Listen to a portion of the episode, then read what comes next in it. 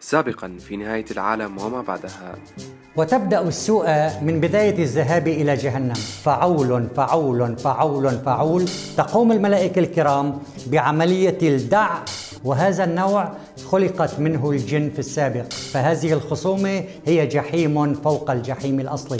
وهذا أشد أنواع العذاب. لماذا؟ لذلك هم متقاربين تقريبا بالترددات الفيزيائية.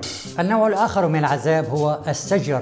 أما الخلود في جهنم فنوعان. أما الذين رضي الله عنهم فسيكونون أيضا خالدين في درجات الجنة التالية.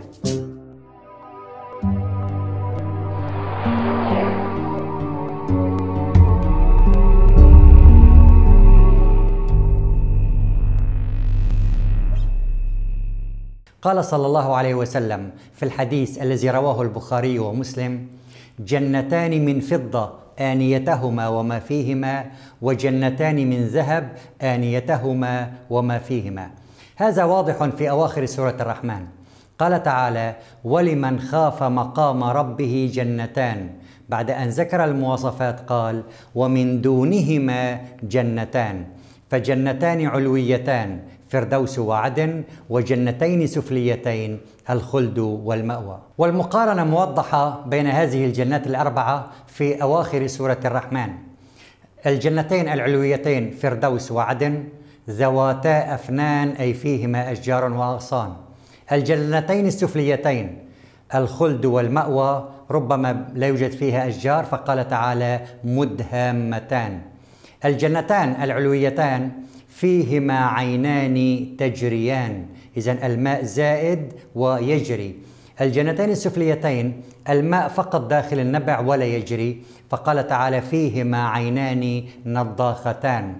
الجنتين العلويتين فيهما من كل أنواع الفواكه ولا يوجد نوع ناقص. فقال تعالى فيهما من كل فاكهة زوجان. تحت لم يقل من كل. فقال تعالى فيهما فاكهة ونخل ورمان. الجنتين العلويتين متكئين على فرش بطائنها من استبرق وجنى الجنتين دان. الجنتين السفليتين عبارة المد من السجاد فقط. فقال تعالى متكئين على رفرف خضر وعبقري حسان لأن الجنتين السفليتين فيها خيام فقط. فقال تعالى حور مقصورات في الخيام.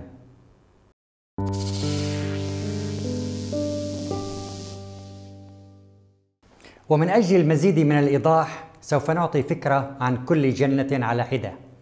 أدنى أنواع الجنات هي جنة المأوى لأنها عند سدرة المنتهى عند نهاية السماوات. فقال تعالى في سورة النجم عند سدرة المنتهى عندها جنة المأوى. وقال أما الذين آمنوا وعملوا الصالحات فلهم جنات المأوى. إذا هي مجموعة من الجنات. الجنة التي تليها في العلو هي جنة الخلد. وقد وردت مرة واحدة في القرآن الكريم لكن بصيغة المفرد ولم تأتي بصيغة الجمع قال تعالى جنة الخلد التي وعد المتقون كانت لهم جزاء ومصيرا لهم فيها ما يشاءون خالدين. الجنتان العلويتان هما عدن والفردوس. جنات عدن جاءت بصيغة الجمع. قال تعالى ومن يأته مؤمنا قد عمل الصالحات فأولئك لهم الدرجات العلى. جنات عدن تجري من تحتها الأنهار خالدين فيها. لماذا قال من تحتها الأنهار وما هو الفرق بين من تحتها الأنهار وبين تحتها الأنهار؟ تجري من تحتها الأنهار أن النبع موجود بتلك الجنة. أما حينما يقول تجري تحتها الأنهار أي أن النبع ليس في تلك الجنة لكن الماء يمر مرورا من تلك الجنة وقد وردت تحتها الأنهار مرة واحدة فقط في سورة التوبة. وللمزيد من المواصفات عن جنات عدن في هذه الآية الكريمة. إن الذين آمنوا وعملوا الصالحات أنا لا نضيع أجر من أحسن عملا. أولئك لهم جنات عدن تجري من تحتهم الأنهار يحلون فيها من أساور من ذهب ويلبسون ثيابا خضرا من سندس واستبرق. ما هو السندس والاستبرق؟ السندس هو القماش الرقيق أما الاستبرق فهو اللباس السميك. الجنة الثانية من الجنتين العلويتين هي جنة الفردوس. قال عنها صلى الله عليه وسلم في الحديث بما معناه إذا سألتم الله فاسألوه الفردوس فإنها أعلى الجنة. حتى يحصل المؤمن على هذه الجنة عليه أن يحقق ستة شروط نجدها واردة في بداية سورة المؤمنون. قال تعالى قد أفلح المؤمنون الذين هم في صلاتهم خاشعون. والذين هم عن اللغو معرضون والذين هم للزكاة فاعلون والذين هم لفروجهم حافظون. إلى أن يقول والذين هم لأماناتهم وعهدهم راعون والذين هم على صلواتهم يحافظون. أولئك هم الوارثون الذين يرثون الفردوس هم فيها خالدون.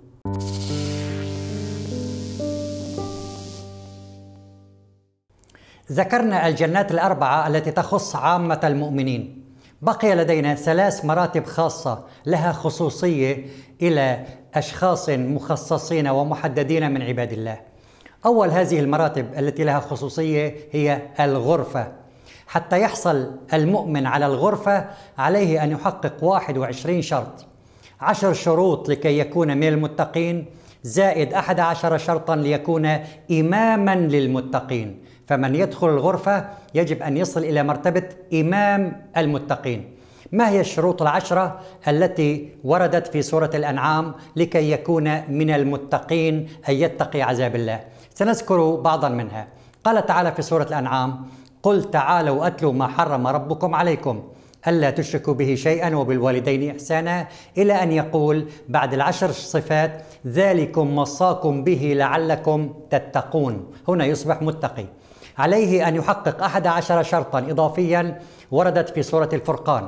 تبدأ الآيات الكريمة وعباد الرحمن الذين يمشون على الأرض هونا وإذا خاطبهم الجاهلون قالوا سلاما. لا يصدر منه إلا إلا كلام سلام لا يشتم احدا. إلى إلى أن تقول الآيات واجعلنا للمتقين إماما. أولئك يجزون الغرفة بما صبروا. لم يعطي أي مواصفات لهذه الغرفة لأنه قال حسنت مستقرا ومقاما في البلاغة العربية عدم الذكر والإفصاح عن الذكر أبلغ من الذكر فقال تعالى حسنت مستقرا ومقاما تاركا للإنسان أن يفكر وأن يتخيل أفضل أفضل أفضل ما يمكن من مراتب النعيم. المرتبة الثانية من المراتب التي لها خصوصية خاصة هي جنات النعيم. سيدخلها صنفين فقط من عباد الله. أولهم المقربون. قال تعالى والسابقون السابقون أولئك المقربون في جنات النعيم. لماذا لها خصوصية؟ لأنهم سله من الأولين وقليل من الآخرين. ومثال على المقربين عيسى عليه السلام. تقول الآية الكريمة إذ قالت الملائكة يا مريم إن الله يبشرك بكلمة منه. اسمه المسيح عيسى ابن مريم وجيها في الدنيا والآخرة ومن المقربين. والصنف الثاني الذي سيدخل هذه الجنة من بين عباد الله هم عباد الله المخلصين.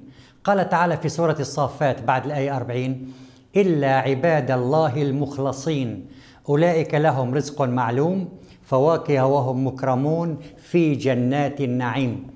مثال على عباد الله المخلصين يوسف عليه السلام. قال تعالى في سورة يوسف عن يوسف إنه من عبادنا المخلصين. إذا جنة النعيم لأشخاص محددين من عباد الله لذلك هي لها خصوصية خاصة فلم نعددها من بين الجنات الأربع